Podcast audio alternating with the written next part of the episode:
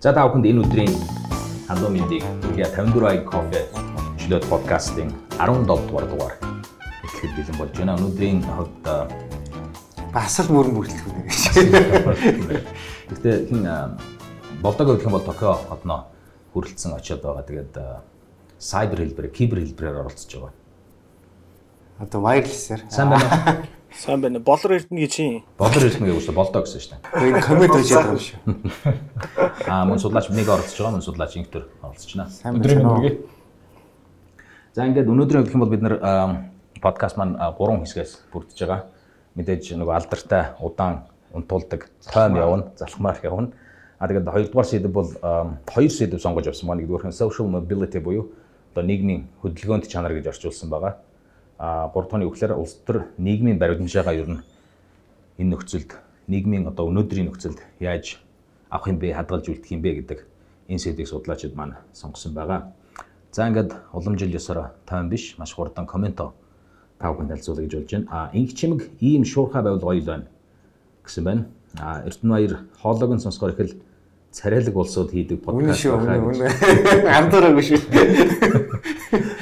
Намайг Австралид байхад гэж тэгээ. Миний царай мотон турист дуурах. Тийм. А Тамирыг зүгээр л гоё урам өгмөр санагдаад байна. Муулмарг байна. Ирч хүчтэй эрэг залуучуудад амжилт хүсье гэсэн байна. А баасанд орж 54 ядаж 52 дугаар энэ жилд хийж чадах чадах нь уу төрөө басж гинэ гэж байгаа. А Чимбат яг сайн байцгаана уу залуусаа та нартай хамт зочноор орж болох уу гэсэн байна. Тэгэхээр зочноор орж болно. Гэхдээ ямар сэдвэр ормоор байгаа юм. Энэ гацуурт гацууртын Чимбат биш үү? Аа биш биш. Ганс өх одоо ч гэсэн удаан одоо улаан удаан хүлээх байх та дараагийн дугаарыг гэсэн байна.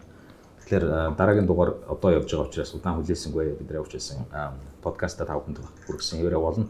А Дэгийн комент хэм бол зурхаа харах шаардлага байхгүй юм байна. Ямар үед төрснийг нь яаж ийгээд мэдээд авчих юм бол хинбэ гэдгийг ерөнхийд нь мэдчих юм байна. Тэгээд энэ ирч ямар тач та бүхнийг үргэлж сонсдог энэ ирч хүчээр тууштай подкаст хийгээд явна гэдэг бүрэн итгэлтэй байна амжилт гэсэн байна. Тэгээ энэ чиглэлээр тусдаа зөвлөгөө өгөхөд бэлэн байгаа шүү. Энэ зурхаа сэтэр нэг нэг эпизод явал зүгээр.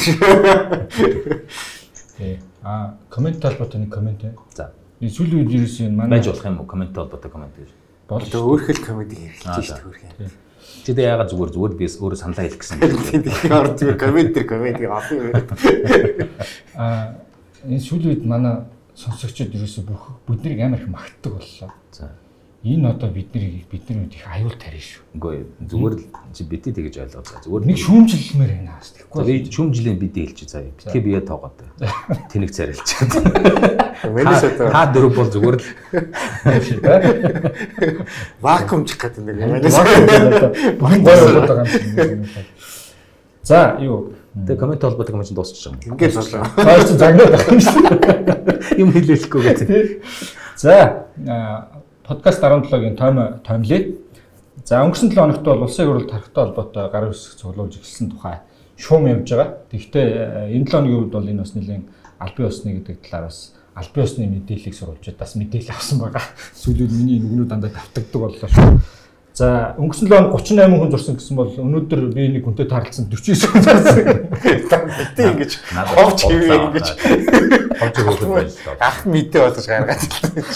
49 хүн гараас зурсан. Одоо 3 хүн зурхад болчихно гэдэг ийм мэдээ авсан. За ямар тач энэ бол бас Монголын улс төрийн орчинд явж байгаа бас нэлээд анхаарал татсан сэдв байгаа. За ерөнхийлөгч Батулга энтэг улсад айлчлал хийж байгаа 19-ээс 24 өдрүүдэд. Тэгэхээр энэ айлчлалтай холбоотой сэдвэр бас манай судлаач байр суурь илэрхийлэх байх. Улсын хурлын даргаас авилгалын эсрэг хуульд нэмэлт нэмэлт өөрчлөлт оруулах оруулах тийм санаачлах төвшүүлсэн билээ. Тэр нь болохоор авилгалыг илчилсэн үнд 10% урамшуул олгоё гэдэг. Тэгээд энэ урамшуул олгохтой холбоотой төрөө их сүүлийн үед их идэвхтэй гадуур яваад подкаст жоо хоцроод байгаа уучлаарай. Аа Ерөнхий сайд төрөлсөх юу яасан ч тийм мэдж байгаа. Нөгөө драм дүүрэн театрыг нураана гэдэг мэдээлэлтэй холбоотоос нураацсан юм шүү. Аа нураацсан юм шүү. Сэхэднүүдийн хооронд одоо маш их том тэмцэл өрнөсөн. За энэ талаар бас бид нар байр суурь илэрхийлнэ. Аа ерөнхийлөгч нөгөө ард нийтийн санал асуулга явуулахтай холбоотой хууль хориг тавьсан байгаа. Энэ бас анхаарал татсан сэдв. Аа энэ оны намрын ээлж чуулганаар хилцэх 32 асуудлыг чуулганд оруулж ирсэн бэлээ. А дандаа сонгуулийн хуультай холбоотой хуулийн төслүүд явж илээ. Өөрөөр хэлбэл сонгуулиар урьдчилан ерөнхийлөгчийн сонгуул, улсын хурлын сонгуул, орон нутгийн сонгуулийн хуульд өөрчлөлт оруулах гэдэг ийм төсөл орж ирж илээ. За бас далаа ашиглах тухай хуулийг шинжилсэн хариулгын төсөл орчихсон. Манайх чинь далаа ашигладаг юм билээ шүү. Тэгээ энэ тал дээр бас одоо далаан чандах болдоо маань бас Бид бүх хуулийг унших гэж байгаа. Гүү сая зүг. Нийт 32 хууль байгаа. Тэгээ 3 4-д хуулж ирсэн. А их орон худалдаа авалтын тухай хуулийн төсөл нөгөө аль болох тийм онцлогын хэлж байгаа шүү. А нөхөн өрчхүүг дэмжих зохицуултын тухай болон холбогдох бусад хуулийн төслүүд орж ирж байгаа. Наа чи нэг 3 их нэртэй хууль биш үү? 2 их нэр гэж биш үү? нөхөн өрчхүүг дэмжих гэж байгаа. Тэгээд энэ тал дээр бас өөрийнхөө идэвх чармаалтыг бас анхаарах шаардлагатай шүү гэж. За. Хөрөө хөрөө газраар хар тамхи зөөсөн багтаад одоо далаагаар усах юм. Хойлоо баталж. далаа ашиглах тухай юу? Юунд гэдэг нь тодорхой байгаа шүү дээ, тий. Тий. За тойм бол товчхондоо юм байна. За ингээд сэдвтэ орцгоё. Тайм дууссан. Ашгүй. А social mobility буюу нийгмийн одоо хөдөлгөөн чанар эсвэл одоо хөрөх чадвар ч юм уу. Яг яаж үндсэн хугтгууны талаар За ер нь бол social mobility сая яаж орчуулах талаар бас хоорондоо маргалдаад орчуул орчуулгаас эхлээд өмнө яг энэ нь ямар сэдвийн тэгээд одоо сонсогчдод яг юугаараа сонирхолтой юм гэдэг юугаараа хэрэгтэй юм яг ярих чинь. А за тэгээд Чигээс вакуум шүү. Ер нь social social mobility гэдэг сая орчуулган дээр бас жоохон нэлээд маргаллаа. Гэхдээ ерөнхийдөө ойлголт нь бол нийгмийн давхраагийн давхраануудын хоорондын давхраг юм шиг. давхаргын гэдэг бидний давхраг. Миний давхраа. Яг хэрэгтэй. нийгмийн давхаргуудын хоорондын одоо дээрээс доошоо, доороос дээшгээ одоо шилжих чадварыг одоо ерөнхийд нь хилдэг юм. Э, Нийгмийн ухааны социолог улс төр судлалын ухааны ойлголт байхгүй. Өөрөөр хэлбэл доод давхаргаас дээшээ, эсвэл дээд давхаргаас доошоо хүн болон одоо нийгмийн одоо бүлгүүд шилжих үйл явцыг social mobility гэдэг байна. Яагаад энэ сэдвийг яасан гэхээр одоо ерөнхийдөө зөв миний хувийн э, байр суурь бол сүүлийн үеийн social mobility э, Монголд одоо багасж гин гэдэг тийм юу харагдаад байгаа, ажиглагдаад байгаа. Тэгээд social mobility яа ямар одоо social mobility нөлөөлтөг юу юу нөлөөлөд хин хин дээшээ гарах уу, хин доошоо гарах одоо явах уу гэдэг юу тодорхойлдог гэхэл янз бүрийн зөндөө онолууд байгаа. Тэгэхдээ ерөнхийдөө бол нэг нэг тогтсон юм байгаа нь бол inequality буюу тэгшвэс байдал. Тэгшвэс байдал их байх тусам одоо нөгөө нийгмийн давхаргуудын хоорондын шилжих чадвар чинь буурдаг. Өөрөөр хэлбэл одоо ядуу төрсөн бол ядуу чигээрээ үлдэнэ. Тэр одоо магадлал өндөртэй гэсэн үг шүү дээ. Өөрөөр хэлбэл одоо долоон буудал байгаа хин нэгэн хүн одоо зайсан руу очих магадлал чинь хэрвээ тэгш тэгшвэс байдал одоо ихтэй бол маш багатай гэсэн. Эсрэгээр нь тэгшвэс байдал одоо багатай бол тэр хүн бол одоо зайсан зайсанд очих магадлал маш өндөр болчихно гэсэн. Тэр энэ дээр энийг бол ярих хэрэгтэй сэдв гэж ба одоо онцлоод байгаа юм л та. Яг энэ сэдв одоо яг Японд ер нь яг ямар хөө social mobility а буюу одоо нийгмийн тэр давхар хоорондын хөдөлгөөн эсвэл одоо гарал үүслээсээ үн шалтгаалаад нийгмийн хөдөлгөөнд идэвхтэй оролцох тэр боломж нь Японд ер нь байдаг юм уу? Эсвэл яг энтгэхтэй адилхан тийм кастинг систем үүссэн асар хэцүү байгаад байдаг юм уу? А энэ тгийч гэсэн ер нь сүүлийн жилүүд нөгөө кастинг системээ устгаад айгу сайжраад байгаа шүү дээ. Тэгээ тэр байтугай өгөнд каст байсан хүмүүст одоо нөхөн төлбөр олгох тэднийг альва нэгэн байдлаар төр төр засгаас нь дэмжих тийм бодлого айгүйх явагддаг болчихсон байна. А Японы жишээн дээр бол яг хуу а Японыг ойлгоё гэвэл дэлхийн 2 дугаар дайнаас хоошо бодох хэрэгтэй баг л та. Дайны дараа маш хурдцтай эдийн засгийн өсөлт явагдсан. За бүр boom miracle economy гэж хэлдэг шүү дээ. Тийм байдалтай явагдаад а дундаж анги ангийн хэмжээ бол маш том болж тэлсэн байдаг. Тэгээд хамгийн дээдтэй бараг 100 сая гаруй хүнтэй дундаж ангитай болчлоо гэсэн тийм яриа хүртэл 70-аад оны үед гарч ирсэн байдаг. Тэгээ энэ үгээр нь аваад үзэх юм бол а social mobility Японд сайн байсан гэж үзэх юм уу да тий.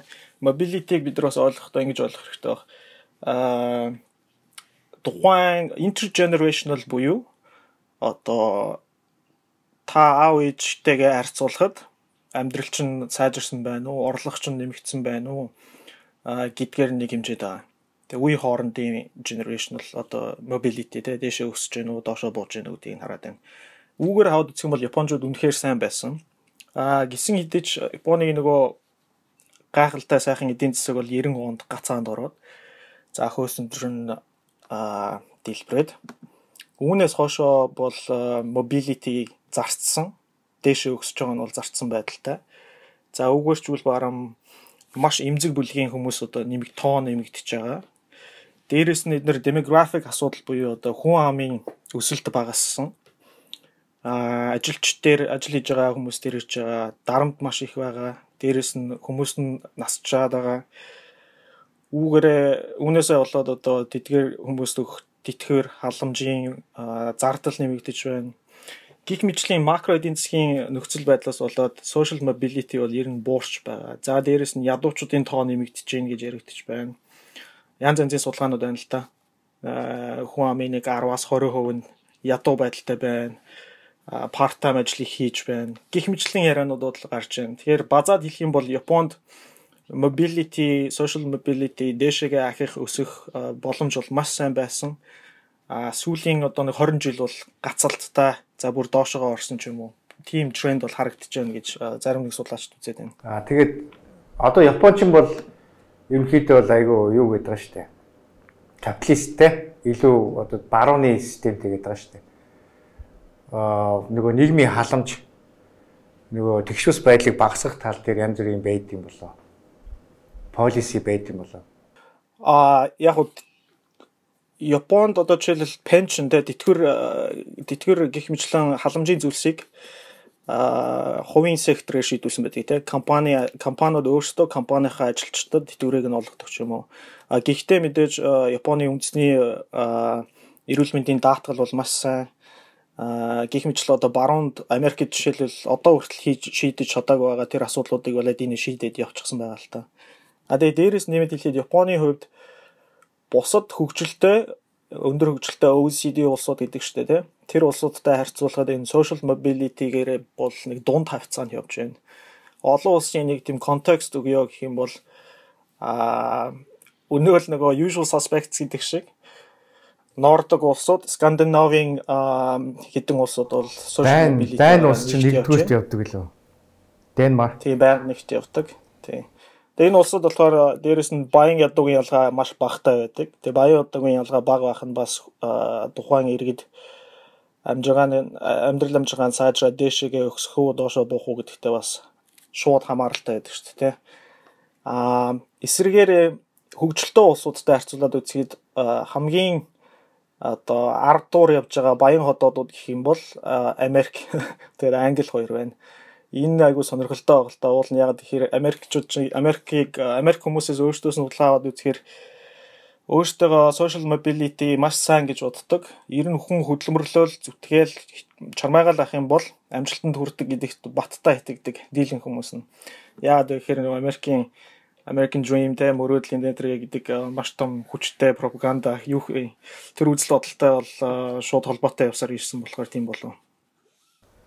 Одоо би нөгөө түрүүчийн эпизодоор нөгөө generation хоорондын юу ярьсан шүү дээ. Ялгаа гэл. Тэгээ би бодсон чинь юу яасан бэл. Бидний хувьд бол харьцангуй асар нөгөө нэг тэгш нийгмээс одоо 90 оноос ярьж штэ. Жигд гараагнаас эхэлсэн Тийм учраас одоо нэг сүртэй одоо дээрээс одоо доороос доор байж байгаа доороо үлдсэн хүн бол маш бага. Бүгд нэг гэхдээ надаас нэг ялгаа байхгүй. Яг тэгэхээр тэгш нийгмээс гэдэг нь ямар хуу тэгш байсан бэхлээр хүн болгонд боломжгүй л тэгш байсан шүү дээ. Үгүй зүгээр би ямар хуу орлого орлого одоо боловсрал тий энэ хоёр гол үзүүлэлтээр бол тэгш. Би одоо тэгш гэж тодорхойлоод байна шүү дээ. Тийм учраас одоо хичнээн одоо захын дүүргийн ч юм уу хөдөөний сургууль төгссөн тентхийн хүүхч байсан энд хотод ирээд одоо ингээд одоо амжилттай хүмүүс ихийг судлах юм бол одоо тийм ч амир элит гаралтай ч юм уу мондөг сургууль соёл төгсөн тиймэрхүү юу бол биш шүү дээ. Ерөнхийдөө ихэнх нь бол дандаа ингэж дундаж давхаргаас бүгдээрээ л дундаж давхарх байсан юм чинь. Тий. Тэгэхээр social mobility асар сайтай 90 онд бол асар сайтай байсан болов гэж бодсон. А Gini index гэдэг байгаа шүү дээ. Нөгөө нийгмийн тэгшвэс байдлыг хэмждэг нэг олон улсын хэмжигдэхүүн байгаа. Тэр нь 0-оос 1 хүртэл байдаг. 0 0 байх юм бол бүгд тэгш орлоготой гэсэн. Одоо бүх хүн амын бүх хөрөнгө нь тэгш хуваагдсан бол 0. А нэг хүн бүх одоо мөнгө хөрөнгийг эзэмшдэг бол 1 гэж тооцсон. Тэгэд Монгол бол одоо нэг 11 он 038 байсан хамгийн ихтэй. Тэгээ тэрнээс ш буурсаар аваад одоо 034-тэй байгаа байхгүй. Тэгэхээр ерөнхийдөө бол энэ тэгшвэс байдал нь Gini индексээр үүсгэр бол багасаад идэг. А тэгсэн чинь сая яасан гэхлээр нэг нүүбийн төлөөлөгч хэн блэ? Ямар төлөөлөгч ирлээ? Сая нэг Шарков. Тий, нэг төлөөлөгч ирээд тэгээд ярьсан байсан шүү дээ. Монголд прогрессив такс хэрэгтэй байна. Татвар өсөн нэмэгдэх татвар тий. Тэгэхгүй бол танаа нийгэм чи одоо ядуурлч бүр амар болцсон байна. Энтэйгээ та нар таксаар нэмж прогрессив такс явахгүй бол ядуурлаад дийлхэ болтой шүү гэсэн тийм мэдгэл хийжээ явсан байсан. Тийм. Тэрнээс бас тэрнээс үүдэлтэйгээр энэ сэдвийг одоо бас хөндөх стан болоо гэж бодсон. Хүмүүс болохоор ингэдэг байхгүй. За болдоо илүү бас сайн. Хүмүүс болохоор такс одоо татраа нэмгээд одоо чи их орлоготой бол их татвар өгөөд тэр татврыг чи одоо ингээд боломжгүй хүмүүс рүү өгөөд тэр хүмүүсийг ингээд бүгдээрээ жоохон тэгшдэх гээд нь штэ. Тэгэхээр хүмүүс тэгдэг байхгүй. Монголд бол ингээд их татвар өгөхлөөр манай улс төрчд хулгайлаад идээд дуусчнаа Тийм учраас бүгдээр ингээ адилхан баг татвартай байсан дээр гэж ярьдаг байхгүй. Үнэн дээ. Үнэн үү? Тийм. За болдогийн саналыг сонстой. Татвар муу юу сайн уу гэж юу? Үнэхээр үнэхээр одоо татвар нэмбэл улс төрч нь илүү их идэх үгүй юу? Яг гоо энэ дэр зүгээр ерхий онол байгаа юм. За маш энгийнээр тайлбарлаад үгүй гэж бодож байна.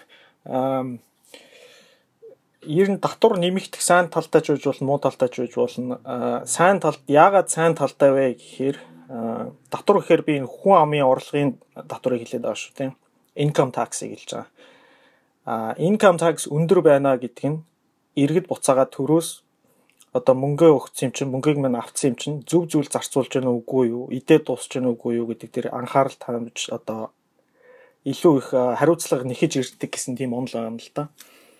Аа тэгтээ тэргүй хариуцлагатай төрийг ер нь яаж бий болгох юм бэ гэхээр татвараар л бий болгодгоо. Аа одоо нөгөө нэг сайхан өрөө өгнүүд өгдөг штэ англи үгэн дээр англи хэлэн дээр no taxation without representation гэдэг шиг тэр шиг no representation without taxation тийм үү. Таныг төлөөлж, таны эрх ашигыг хамгаалж, зөв бодлого боловсруулж, зөв сайн эрүүл улс төр хийх суурь нь татвар байдгаа гэж ерөөхдөө зарим нэг судлаачид үзээд байдаг. За үүнийг бас яаж баталж байгаа юм бэ гэхээр ихэнх одоо крафтд болчихсон. За дарангуулын дэглэмтэй тийм улсуудад ямар нэхэр а орлогын хүн амын орлогын татвар маш бага байдаг, бараг байдаггүй. А тэгээд харин ч эсрэгээрээ төрөөс нь халамжлал үзүүлдэг.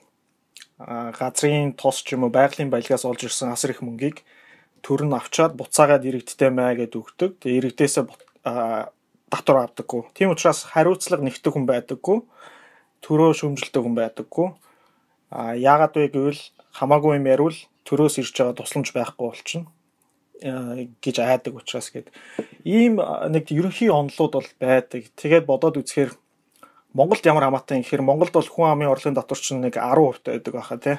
Flat tax уу одоо хүн болгон ядуу хүн байна уу, баян хүн байна уу, одоо 4 сая төгрөгийн цалинтай байна уу 400 мянган цалинтай байна уу бүгд яг ижилхэн татвар төлж байгаа. Тэгэхээр энийг бол байх ёстой юу гэхээр зарим судлаачид бол үгүй. Яагаад гэвэл илүү орлоготой хүмүүс нь илүү хариуцлага үлээгээд а татвараа илүү төлөөд явах ёстой. Буюу progressive taxation бол байх ёстой гэж үзээд ах шиг байна.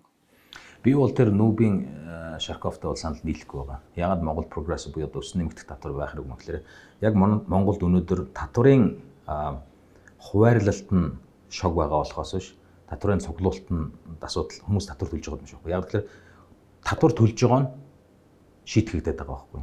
Компаниуд ч байна, а хөв хүмүүс ч байна.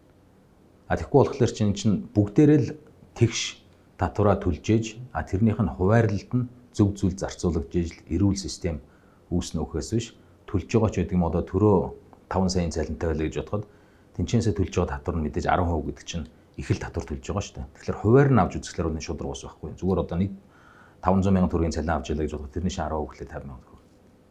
Мөн үү?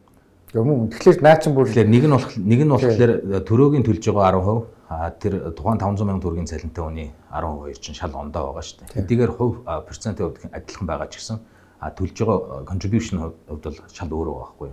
Би зүгээр гол нь юун дээр хэлээд байгаа юм гэхээр татвар нэгдүгээрт бүгдээрээ төлөх ёстой. А бүгдээрээ төлж иж татварын бааз суурь нь их байна. А тэгээд тэрийг зөв зүйл зарцуулах ёстой.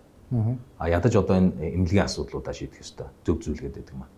А эсвэл одоо энэ сургуулиудын цэцэрлэгийн асуудлаа шийдэх ёстой. А тэгхгүйгээр зөв зөв байгаа театруудаа нураагаад байна гэж байхгүй. Тэгэхээр энэ чинь зөв зүйл зарцуулагдж яах гэдэг ч байгаа байхгүй. А нөгөө талаас яаж юм гэхээр татварын хувьд улс төрчид нь өөрснөө яаж цуглуулж байгаа вэ гэдэг тал дээр ойлголт байхгүй. Эсвэл төрд байдаг нэг төгөрөг нь хувь хүний хармонд байдаг нэг төгөргөөс үнэлэмж багтай байдаг учраас тэд нар баруун солгоогүй цацах дуртай л болчиход байгаа байхгүй. Зүгээр саяны болдоогийн ярьсан онлын онлыг авчицх юм бол Монголын ихэнх одоо төсвийг бүрдүүлж байгаа чинь хитгэн уулуурхан компаниуд л татвар байгаа шүү дээ. Хувийн хвшил нийт татварын чинь бааз зүрийн 80. Тийм тэрнээс ч одоо бидний цалингийн юу бол асар бага хувь эзэлж байгаа шүү дээ.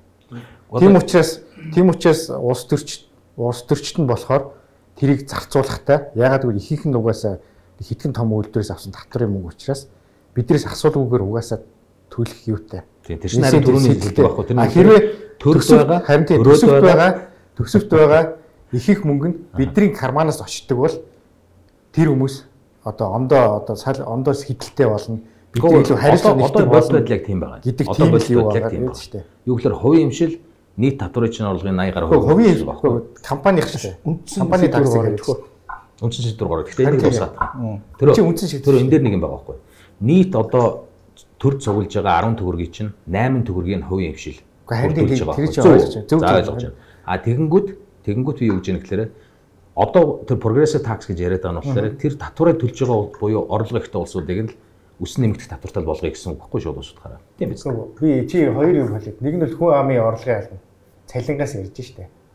Нөгөөх нь бол зүгээр компани орлогын юу яриад штэ. Ялгаагүй, ялгаагүй. Яг тэгэхээр компани дээр чинь хүмүүс байгаа байхгүй. Одоо одоо яг ирж байгаа нөгөө нэг төсвийг бялуу гэж явал ихэнх нь зүгээр компани орлогын юугаар бүрдэж байгаа штэ.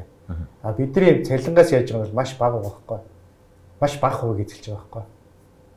Тэгээ progressive tax гэхэлэр чинь нөгөөх нь ч гэсэн орно шүү дээ. Орно л да. Гэхдээ бид нар нэгэнд илүү мөнгө төлж эхэлж байгаа бол илүү хариуцлага хариуцлага их нь улс төрчд бас илүү хариуцлагатай хандах байхаа л гэж. За би байж улс төрчд хизээ хариуцлагатай хандж байсан хамгийн сүүл. За нэг хэн жишээ хэлж. Улс төр төрийн мөнгөнд буюу татварын мөнгөнд улс төрчд хариуцлагатай хандж байсан нэг тохиолдол хэлээд байгаа. Гэхдээ хариуцлагатай хандуулахын тулд харин татвараа нэмийг сүүлийн 30 жил ингэж ярьж байна. Хариуцлагатай хандсан хаана байгаа. Сүүлийн 30 жилийн 20 жилд flat tax дээр унтлаа хувийн сонсогч тийм үстэй. Гүү юу тийм үстэй гэж зүнзэн сэдвд оролт. Би байр суурь илэрхийлэлт ямар амар юм бэ? Тойр маргаад 7 минут боллоо шүү. Яг зүгээр э, социал наяа мобильност гэх тээ орсоор нийгмийн нийгмийн шилжилттэй холбоотой асуудал дээр хэвтэй шилжилт төлөв гэж үсэдэг тээ. Тухайлбал одоо би улс төр судлаач байсан маргааш тоогооч болдог ч юм уу тээ. Би угсаа маргааш тоогооч болох ч байгаа л да эсвэл зүгээр жирийн малчнаас солонгос Японд очиод хар ажилчин болдог ч юм уу. Нэг иймэрхүү хөдөлгөөнийг бас нийгмийн шилжилт хөдөлгөөн гэж гэж тодорхойлж болдог. Тэгээ монголчуудын хувьд бол энэ асуудал харьцангуй нээлттэй юм шиг байна. Давхар мэрэгчлэлтэй болох нэг салбараас нөгөө салбар руу шилжих боломжууд ялангуяа залуучуудын хувьд бол харьцангуй нээлттэй байна. А зүгээр босоо шилжилт хөдөлгөөний үед хөдөлгөөний хувьд бол боловсролын хуваарлалтай хуваарлалтаар ярил жишээ нь нэг ийм л Улаанбаатар хот төрс нэг боловсролтой холбоотой нэг ийм гурван багш байгаа. Нэгдүгürt нь гэр ороолын сургууль. Тэгээ төвийн сургуулиуд 24, 23, нэгдүгээр сургууль, улсын сургуулиуд. Аа тэгээд э, өндөр төлбөртэй хувийн сургуулиуд. Ялангуяа гадны хөрөнгө оруулалттай. Тэгээ энэ өөрөө хэр хүртээмжтэй боловсрал хэр хүртээмжтэй байгаа юм бэ энэ дээр. Энэ нь өөрөө нийгмийн шилжилтэд одоо хэрхэн нөлөөлж байгаа юм та харуул энэ жоохон сул талтай юм шиг харагдаад байгаа Монголын. Тухайлбал тэр өндөр төлбөртэй сургуульд аль болох тэтгэлгээр чадвартай хүүхдүүд сурах боломж хаалттай байдаг. Тэгэхээр энэ өөр Америк ч юм эсвэл Европ байдаг нээлттэй нөхцөл шүү дээ. Боломж олгодог шүү дээ. Тэгэхээр манай даалга байна. Дээр нь урсгал зардын төрөөс таадаг тэр хувийн сургуулиуд, өндөр төлбөртэй сургуулиуд. Тэгээд ашиг хийдэг юм. Э, тэр ашигасаа болж хоорондоо тэр том сургуулиуд хуваагддаг. Тэр жишээ бол энэ жил гарсан шүү. Өнөөдөр нэг яг нэг хэлээд Монголын нийгэмд нэг ийм тэгш бус байдал гэж нэгэд дурцсных юм гарчод байгаа шүү дээ. Тэрний үгээр за яг хуу 90-ад онд бүгдээрээ гарц гараа бүгдээрээ ижил төвшөнд байсан тийм үү. Аа тэгээ систем задарлаа хамгийн түрүүнд боломж хаана олцсон гэхлээр илүү их гадны exposure-тэй байсан. Эсвэл гадаад худалдааг мэддэг ч юм уу эсвэл гадаад хэлхээ холбооны сайтай байсан. Нэг талаасаа мэдээлэл доор байсан. Эсвэл одоо гадаадад илүү их одоо тэр дотоод нийгэм гадаад нийгэм хоёрын зөрүүг нь болон боломж болцоог нэг сайн ойлгож ирсэн тийм хэсэг нь нэгдүгürt гарч явсан тийм үү. А яг дараагийн хэсэг нь юу гэхээр энэ хэсэг дээр үлдсэн одоо эргэлцсэн цикл нь явсаар тэдний хоёр дахь үе нь гарч ирсэн. А энэний дараа болохоор тэр дараагийн өөр үед нь тийм боломж байгаад байна болохоор одоо байхгүй л байгаа байхгүй. Тэгэхээр энийг л жоохон засах ёстой болж байна. Байхгүй болж үү гэсэн зүгээр таамаг байхгүй болцсон. Таамаг л байгаад байгаа. Тийм учраас аягүй санаа зовоод байгаа байхгүй. А гол манай тийм гол проблем нь юу гэдэг нь гэхээр 90-ад онд гараа ижил байхад бүгдээрээ ижил төвчнөөс явсан уу явсан. А тэгвэл тухайн үед боломжийг сайн ашиглаад нэгдүгээрт гарсан хэсгийнхэн дараагийнх нь үеийн гарч ирэнгүүтээ одоо элит маягаар ажиллаад ч юм уу эсвэл угаасаа л бид нар ийм байх хэвээр Монгол кастинг систем үүсээд нэг юм хунтаж хэлбэр рүү оруулах гэдэг бол буруу шүү дээ угаасаа. Яг тэгэхээр нөгөө сайн нийгэмд сайн яваад байгаа нь тэдний сайных биш байхгүй юу? Юу гэхээр нийгмийн л буруу явсны сайных болчихж байгаа байхгүй юу? Нэг л За тэгвэл хоёр дахь сэдвтэ оръё. А улс төрийн болон нийгмийн баримжаагаа юу нь яаж олох ёстой юм бэ гэдэг. Эсвэл үнэхээр хүмүүс баримжаагаа алдчихаар тийм нөхцөл нөхцөл байдал үүсчихэд байгаа юм. Ер нь зүгээр сэдвийн талаар ярилцъя л да. Одоо би нөгөө нэг төрүүчийн төрүүчийн подкаст дээр ярьсан шүү дээ. Одоо байгаа мэдээллийн тоо хасар их болчиход байна. Тэгэхээр энэ нэгэнд авж байгаа тоо хар мянга болцсон учраас энэ дотроос ялна гэдэг том ажил байна. Өмнө нь өмнө нийгмүүд нөгөө нэг хитгэн мэдээллийг сурулж байсан. Тийм учраас ямар ч ялах шаардлагагүй. Харин хаанаас мэдээлэл дээр гарсан л бол үнэн. Тийм хаанаас мэдээлэл олох вэ гэж энд эндээс хайгаа явдаг байсан үе байгаа. Одоо бол зүгээр мэдээлэл хаалвал хаасайгүй байна. Яаж мэдээлэлээс зогтох уу? Тэрнээс одоо яаж ялах уу, яаж сорт хийх үү гэдэг том проблем л байна. Тэ? Аа тэгэхээр чиний хувьд бол яаж баримжаа авдаг гэсэн үг юм? Яг нүү хөдөл мэдээлэл. Их сурвалжуудаа ял их сурвалжуудаа ялах хэрэгтэй.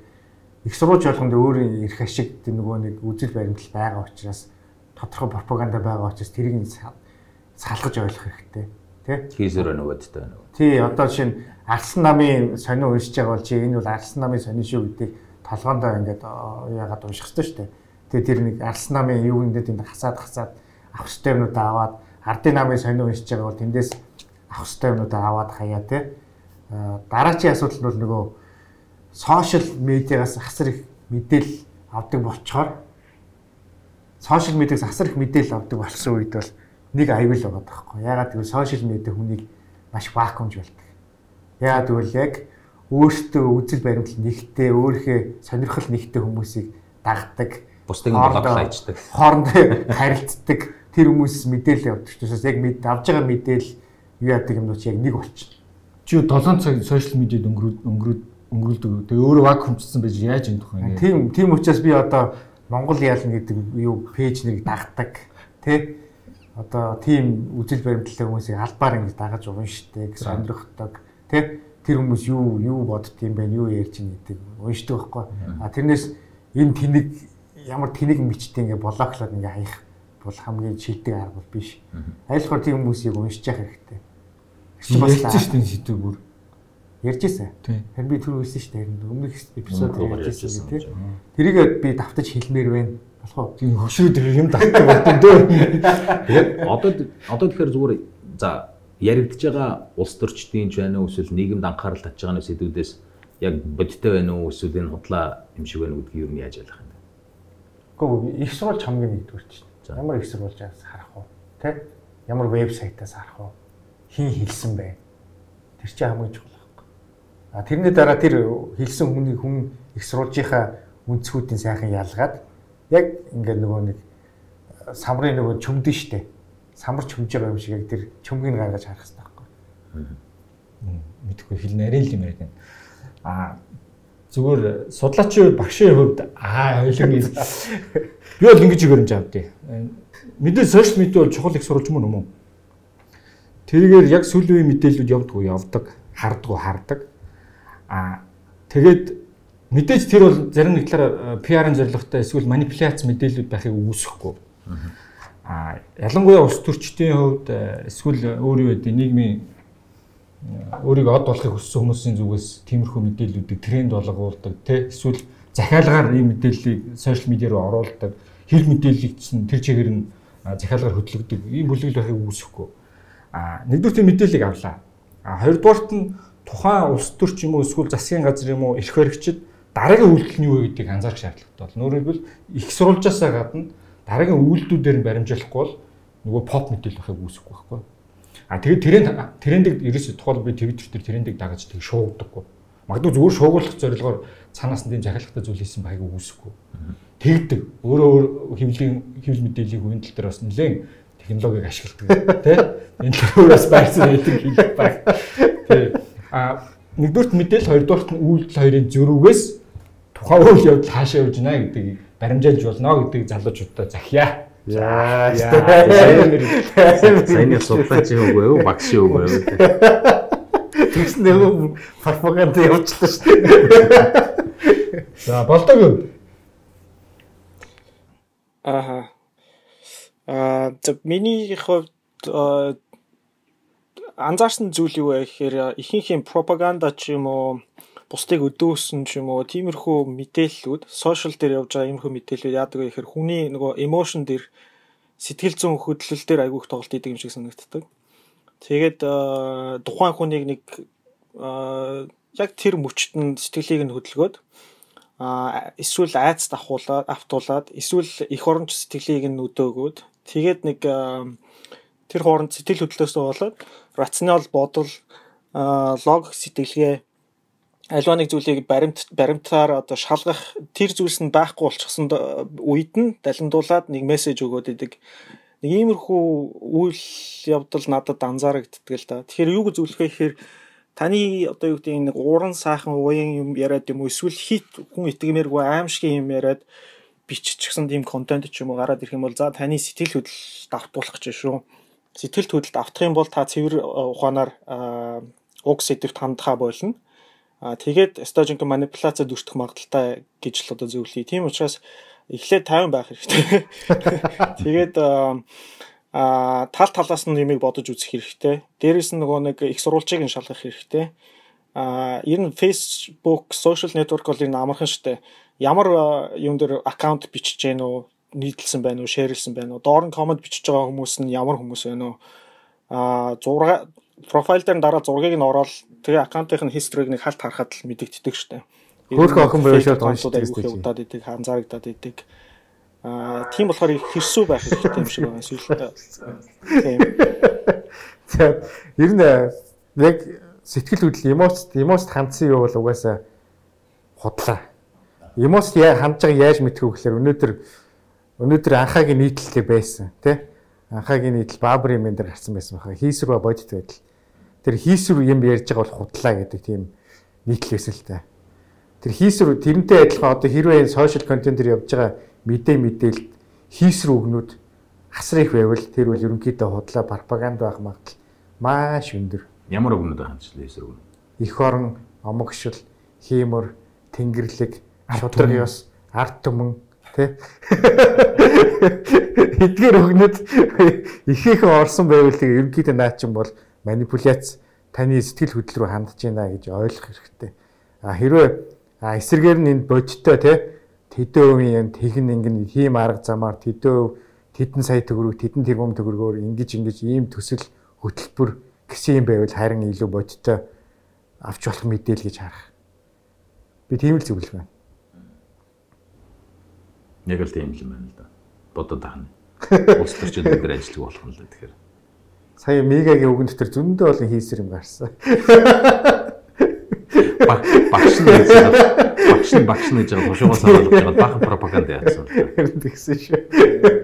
Тэгэхээр одоо ичдээ улс төрчдөөс жишээлбэл үнэхээр за би шудраг гэдээ асууч л да тийм. Шүү яг шудраг ёс биш зүгээр шударгаар асуухад тийм өнөөдөр тэд нэр тэнгэрлэг байдал ч юм уу эсвэл эсвэл хиймэр эсвэл шудрагаас ярьж байгаа хооронд за одоо өнөөдөр Улаанбаатар хотын нийт оршин суугчдын 10 дотны 6 нь ядуу байна энэ талаараа юу хийж байгаа? А жилд 3000 хүүхэд энэ утаанаас бол нас орж байна. Энэ талаараа юу хийж байгаа? гэж асуучих ёстой байхгүй. Тэгэхээр тэд нар одоо юу гэж гэдэг энд хичнээн тэнгэрлэг, хиймэрлэг байдал яриад эсвэл шударга ёсыг дуртаад яаж болохгүй шүү дээ. Тийм тэрүүгээр зүгээр шудрага зүгээр тэр тиймэрхүү хатуу энд наача бол айгүй хэцүү асуултууд шүү дээ. Яг ингээд сонгогчдоос ирж байгаа. Тэрийг хариулж чадахгүй үед яадаг вэ гэхээр улс төрчдийн хийх ганц арга зам нь бол нөгөө эмоц руу хав. Муусан хулгайч нар авилгачд тийм би тэднэртэй тэмцэн манан юу яа устгах нь юу яа гэл ингээл тиймэрхүү нөгөө нэг стандарт хэлэг үгнүүд байгаа шүү дээ. Тэгээ хэлэхээр хүмүүс эмоцтой автаад араас нөгөө жинхэнэ бодиттой хариулт нэх юугаа мартчихдаг байхгүй. Оо. Тэгээ сүултээ доо гал галзуурлын хэлбэр нь бол айгүй Аа та юу гэж ярих за болий таа шиг. Гадаа жишээл өнөөдөр би юун дээр сонин дээр бол харж ирсэн байхгүй юу гэхээр нөгөө болд гişүн өөрийнхөө нөгөө цахим хуудсанд бичсэн байна л да. Тэрний үгээр ил загтал гэдэг. Тэрийг төрийн нууцыг задлая. Хуулийн дагуу хариуцлага хүлээхэж бэлэн байна. Тэсвэршгүй зовлон göмж тэсвэр хатуужлаа алдаагүй хатсайт монгол хүмүүсээр бахархаж байна. Тэгээд нөгөө зориг эрэхтэй холбоотой байх юм гэсэн юм л да. Тэгээд сүлдээ яаж юм гэхэл нөгөө хуучин цагт монголчууд төрийн нууцыг алдахгүй тулд амиаж өгөхөд бэлэн байсан бол одоо бол зүгээр л фэйсбүүкээр төрийн нууцыг задлаа гэж бол задлж дууссан байгаа юм. Ялгаа нь бол энэ дээл байна л да. Тийм наа чинь зүгээр тий хат сайт энтергээ зоригт моригт гэдэг тиймэрхүү үгнүүд ороод ороод эхлэхээр наас нь таныг сэтгэлээ чи одоо хөдөлгөж эхэлж байгаа байхгүй. Тэсвэршгүй зовлонг тиссэн монголчууд гэхлээр үнэхээр энэ чинь логикийн алдаатай байна. Тийм гол зовлон байсан бол тисээг л байгаа байхгүй. Наа чи өөрөө 30 жил засаг ирэх байсан юм тий. Тийм одоо тэгээд ашигт малтмлын дарга байсан. Батлан хамгаалгын сайд байсан. Гадаад яамны сайд байсан. Уг нь би их олоудаа ярьцлага хийжсэн шүү дээ. Айгүй эрүүл хүн байсан байхгүй. Тийм.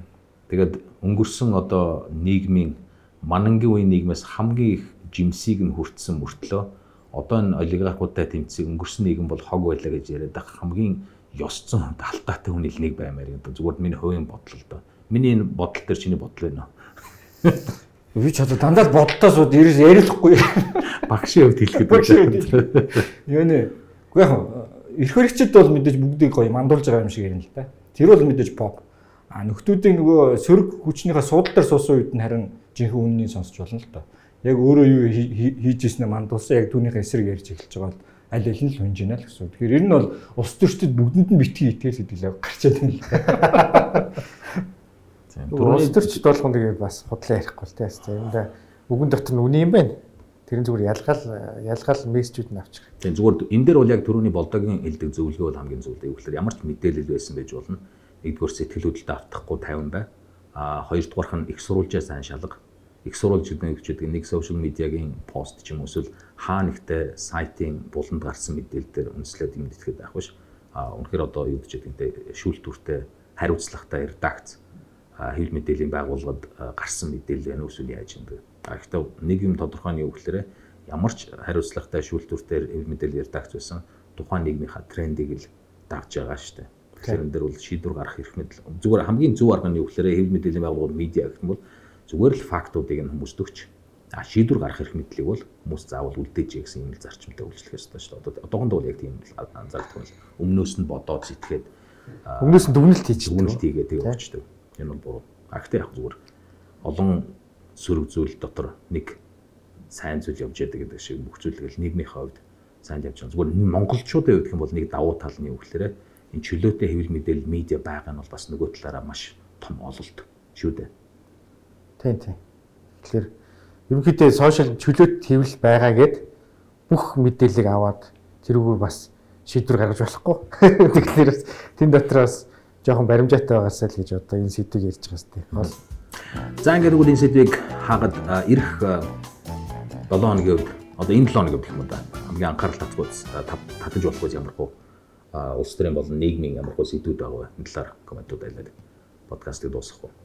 За нөгөө өнгөрсөн 7 хоног хэрэгжсэн энэ 7 хоногтсон бас яригдах улсын хурал тарах гар үсэх цуглуулах асуудал энэ 7 хоногор шийдэгдэх байх. Аа тэгээд яг энэ 7 хоног шийднэ гэж. Тэгж хугацаатай мөн. Хугацаа нь угаасаа эн чинь нөгөө аль болох наашаа хийгдэх тусмаа сонгуул наашлах нь их хөрчтүүд ашигтай байхгүй. Аа тий. Аа зүгээр би дараагийн подкастаар оруулах юм уу энэ нэг хар тамхитай холбоотой сошиал медиагаар нэлээд маргаантай асуудал яваад байгаа. Тэгээ энэ ч гэсэн бас энэ нөгөө сошиал тренд хэвэндээ өршлөх байх юм лөө юу. Тэр чинь ингээл жоохон байж байгаа л нэг гартаа ш. Нэг хэрэг гарахаар л нэг хэсэгтээ ярьж байгаа. Тэгэл таг болчдөг. Тэгэл дахиад дараа яриг ахаа дахиад нэг шүүгдэг. А юм асууж болох уу? Багшаас багшаас асууж байгаа юм шиг байна тийм. Багшаас асууя тий. Аа. Сая тэр юу харт амьттай холбоотой сошиал дээр шуугаанд игцэн гэдэг энэ тэр яг бодтойгоор надад хэлээд өгч яг юу болсон юм? Өө төг төг юу. Юу болоод өөртөө бицээр хийж юу гэсэн гэж Би бол шиг. тийм. Яг нь зүгээр Факт асууж байгаа шүү. Зүгээр яг юу зүгээр ерөнхий хар тамхи нэрийн хар тамхи нэрийн дор юу гэдэг нь бүх залуучуудыг юу хар тамхи хэрглэж байгаа гэж хорхон буруу юм аа. Тухайлбал хар тамхи дотроо тэр марихуан өөрч юу гэдүүлээ? Чи сайн мэдээ. Гашис те. Тэгээ өвс өвс ба нөгөө синтетик аргаар гаргаж авсан эдгээр нь хооронд нь ялах хэвээр маа тэгээд өвсийн зөвшөөрөх хэвээр маа гэдэг ийм асуудлаар залуучууд ялангуяа сошиал медиа дээр нэлээд маргаа өрнүүлсэн юм. Хуулийн нэлээд тодорхой болгоё гэдэг. Тэгээ энэ тал дээр энэ тал дээр бас энэ 7 хоногт бас сошиал медиа нэлээд маргааны сэдв болж өргөжлөх байхаа л гэж би хэлж байна. надад аа, би аа, ягаад асуусан бэ гэхээр тэгэж битснийхэн төлөө яасан шалгасан барьсан тийм үйл явдал гарсан юмгүй юу? Гарсан. Аа. Тэгэхээр би энэ дээр зүгээр би бодож байсан харт амгийг зөвшөөрөх зөвшөөрөхгүй ямыг энэ харт амигч гэх юм марихуана эдрийг зөвшөөрөх зөвшөөрөхгүй гэдэг бол нэг тусдаа асуудал а өөр нэг асуудал намайг эмзэглүүлж байгаа асуудал нь юу гэхээр хүн үзэл бодлоо илэрхийлэх үг хэлэх энэ эрхчлөө бол маш нандин зүйлээ а сошиал медиагаар юм уу ямар нэгэн байдлаар хэрвээ одоо хууль зөрчөөгүй бол тодорхой нэг сэдвээр хүн үдчлөөтэй үзэл бодлоо илэрхийлэх эрхтэй шүү дээ. Тэгээ илэрхийлснийхэн төлөө хавчиж болохгүй, шалгаж болохгүй. А энэ одоо нэг тийм жишг тогтцсон юм болов уу гэж би бүр гайхаад байна л да. Өмнө нь бас тэр нөгөө нэг уянга гэдэг дээр гэдэг э, хүн дээр нэг ийм явдал болоод өнгөрөхөд гайхаад өнгөрсөлтөө нэг удаагийнх байхаа гэсэн. Гэтэл одоо ингээд давтагдаад байгаа юм шиг надад санагдаад байна л да. Тэгээ энэ бол үнэхээр эмзэглүүлж юм. Аа тийм. Энийг би бас хэлье гэж бодсон юм. Тийм шүү. Тэр бол айгүй буруу асуудал шүү. Цагдаа хүнийг зүгээр жиргсний төлөө шалгана гэдэг бол маш буруу шүү. Ер нь хувийнхаа Twitter дээр, Facebook дээр юу ч хийж болно. Гэхдээ хүн алаа хүн алах одоо нэг хитгэн юу байгаа шүү дээ. Хүчирхийлэл дурайл хүчирхийлэл дурайл дуудах хүн алах терроризмыг яах гэдэг юм тийм. тэр тэрнээс босод юм дээр хүн юу ч хийсэн болно шүү дээ. Тийм шүү дээ. зарчим байдаг штэ нөгөө чөлөө үг үлээ үг гэлээ freedom of speech те үгээ хэлэх үзэл бодлоо илэрхийлэх тийм зарчим байгаа. Тэр бол аа хүн дүүрэн дүүрийн театрт гал гарч ийн гэж худлаа ойрлох ойрлохыг хориглоно. Бус бусад нөхцөлд бол та ямар ч солиотой юм ярьж болно, буруу юм үг хэлжиж болно гэсэн нэг тийм аа принципл байгаа тий. Нэгсэн төгс үгээ ихээр та үг хэлснээрээ үзэл бодлоо илэрхийлснээрээ бусдын эрхэнд халдаагүй бол бус олон нийтийн аюулгүй байдлыг зөрчөөгүй бол та үг үгээ хэлэх ёстой, эрхтэй л байх ёстой байхгүй юу? Гол нь та хийлж болно. Таны хэлж байгаа аргументын чинь эсрэг бусад хүмүүс бас үгээ хэлэх эрхтэй байх ёстой тийм. Тэгэхээр үнэхээр тэр одоо тэгж бичээд байгаа хүмүүсийн ямар үндслэлтэйгээр юу гэж бичээд байгаа яг эсрэг аргументуудыг нь бичээд ийм эрүүл мэтгэлцээ маягийн байдлаар явах хэрэгтэй байх л та. Тэгэхгүй болохоор одоо нэг цагдаагийн байгууллага юм уу үзмжээр оо энэ хүн зөв юм хэлж байна, энэ хүн буруу юм хэлж байна, ингэж хэлж болохгүй гэж шалгаад явна гэдэг бол маш том аюул гэж би бол бодоод байгаа. Одоогийн хэлсэн дээр бол санал нэгтэй. Үзэл бодлоо илэрхийлэх, өмчлөх эрх гэсэн нэг хэдэн суур үндсэн эрхүүдийг нэг бол хизээж а, засаглал болон төрийн хэлбэр бол халдах эрх байхгүй шүү дээ. А зүгээр тэн дээр зүгээр нэмэлт нэг юм байгаа нь гэхээр яг Монгол улсын хувьд гэж ярих юм бол харт тамхитай холбоотой ялангуяа сэтгцэнтэй холбоо сэтгцэд нөлөөлөх нөлөөлдөг юм юм дээр бол zero tolerance гэж ярьдаг. Үнэхээр ямар нэгэн байдлаар төвчих эсвэл тэн дээр либерал хандах шаардлага байхгүй. Яг тэгэхээр бид масс байхгүй. Хүн амын хувьд бол нэмгхэн, жижигхэн залуучууд ихтэй энэ нөхцөлд бол ямар ч тохиолдолд бол zero tolerance гэдгээр явах нь дээр байна. Түүнээс түрүүний тэр а, 100 а, үзэл бодлоо илэрхийлэх хэрэгтэй гэдэг дээр бол үнэхээр санал нэг байна. Тийм харин тэгээд наадах чинь дараагийн сэдв болгоул ясэл гэж би хэлж байгаа. За. Сайн сэдв байна. За ингээд энэ удаагийн Би нэг гэс зар хэлчихв. А тийм за төрөө өнөөдрийн подкастын төгсгөлд announcement буюу одоо зарлалын шин чанартай юм хэлье гэсэн. Тэгээд тэрний гол утга нь юу гэхээр манай хүн тэтгэвртэй гарах. Зотгоо тайл. За за зауучлаа. За за чи. За. сонсогчтой нэг юм уриалмаар байна. Би Rotary клубын гишүүн. Тэгээ манай клубээс хавдрын хавдар судлалын үндэсний төвдний дурангийн аппарат авч өгч байгаа юм аа. Ягаад гэвэл илгэний хорт хавдар бол Монголд үхлээрээ номер 1 болцсон. Хамгийн том асуудал. Тэр э, тэрийг шийдэхин тулд дурангийн аппарат, мис цаслах аппарат зайлшгүй хэрэгтэй байна. Тэгээ 350 мянган долларын үнэтэй. Тэгээ 50 мянган долларын одоо манай клуб босгоход ингээд арга хэмжээ хийж байгаа. 10 сарын 9-ний өдөр Монгол тэмүүлэл гэдэг TED стилийн форматтай одоо юуны ихтгэлийн арга хэмжээ болох юм. Такс нь 100 мянган төгрөг. Тэгээ энэ дээр бас идэвхтэй оролцоод бидрийг дэмжээрээ хэлмийн хорт тавдрын хэсэгт одоо тэмцээрээ гэж уриалмаар байна. Аа тэгээ 54 10 сарын 9-нд ч те 54 кофе подкаст гэж ярих юм бол Rotary клубтай хамтарч ажиллаад энэ хүү шаардлагатай санхүүжилтийг нь босгоход бүх одоо кофего хандуулахад бэлэн байна гэдэг шиг бүх бүх зүйлийг бол хийхээр одоо ам өчгөө гэдэг шиг дэмжиж ажиллаж байгаа. А сонсогчдод зориулаад давхар хизээ хаана гэдгээ давтаад хэлж10 байна. сарын 9-ний өдөр corporate corporate convention center-т болноо. Тэгэхээр нэг хүний такс 100 мянган төгрөг. Тэгээ бүтэн өдөржингийн өдрийн арга хэмжээ байгаа. Шинжлэх ухааны эдийн засаг технологийн сэдвэр одоо ихтгэгчд ирж бэлтгэл тавина. Тэгэхээр тийм амар гонигтай ш. Яг TEDx стилийн маш богино хугацаанд асар их мэдээлэл өгсөн тийм арга хэмжээ болно. За за. А жишээлбэл хүмүүс өөрснөө явж болох юм уу? Эсвэл найз нөхдөд явж болох юм уу? Дэйтэд дагуулж явж болох юм уу? Ер нь юм ямар маягаар. Болно ер нь айл болох их л хүн ивэл маш сайн байна. Тийм. Энэ дээр бол GCI хамтарч ажиллаж байгаа, Rotary клубуд хамтарч ажиллаж байгаа. Тийм тэгээд босод тэгээд одоо удахгүй бид нэр онлайнаар юу тикетээ зарж эхэлнэ. Тикет имэн юм уу, Shopee имэнээр зарагдах. Тэгэхээр та бүхэн ингээд идэвхтэй оролцоороо биднийг дэмжээрэй. Хүмүүнлэгийн үлсийг бас та бүхэн чадах ятгаараа дэмжээл. Яваарай гэж уриалж байна. За ингээд төрөгийн зүгээс announcement-аа хийчлээ. Их баярлалаа. Болсон уу те? Болцсон болцсон. Окей. Ам энэ хүрээд подкаст 54 кофе шилдэг подкастын маань 17 дугаар эпизод 17 дугаар дугаар өндөрлөж байна. Тэгээд бидэнтэй хамт байж сонирхон сонсон та бүхэнд маш их баярлалаа. А Токиогоос болцсайхаа оролцлоо. Баярлалаа. За баяртай. 40 мянгатаас инктер оролцлоо. За ингээд түрүү мега хостуудаа маш их баярлалаа. Баяртай. За дараагийн дугаар баярлалаа.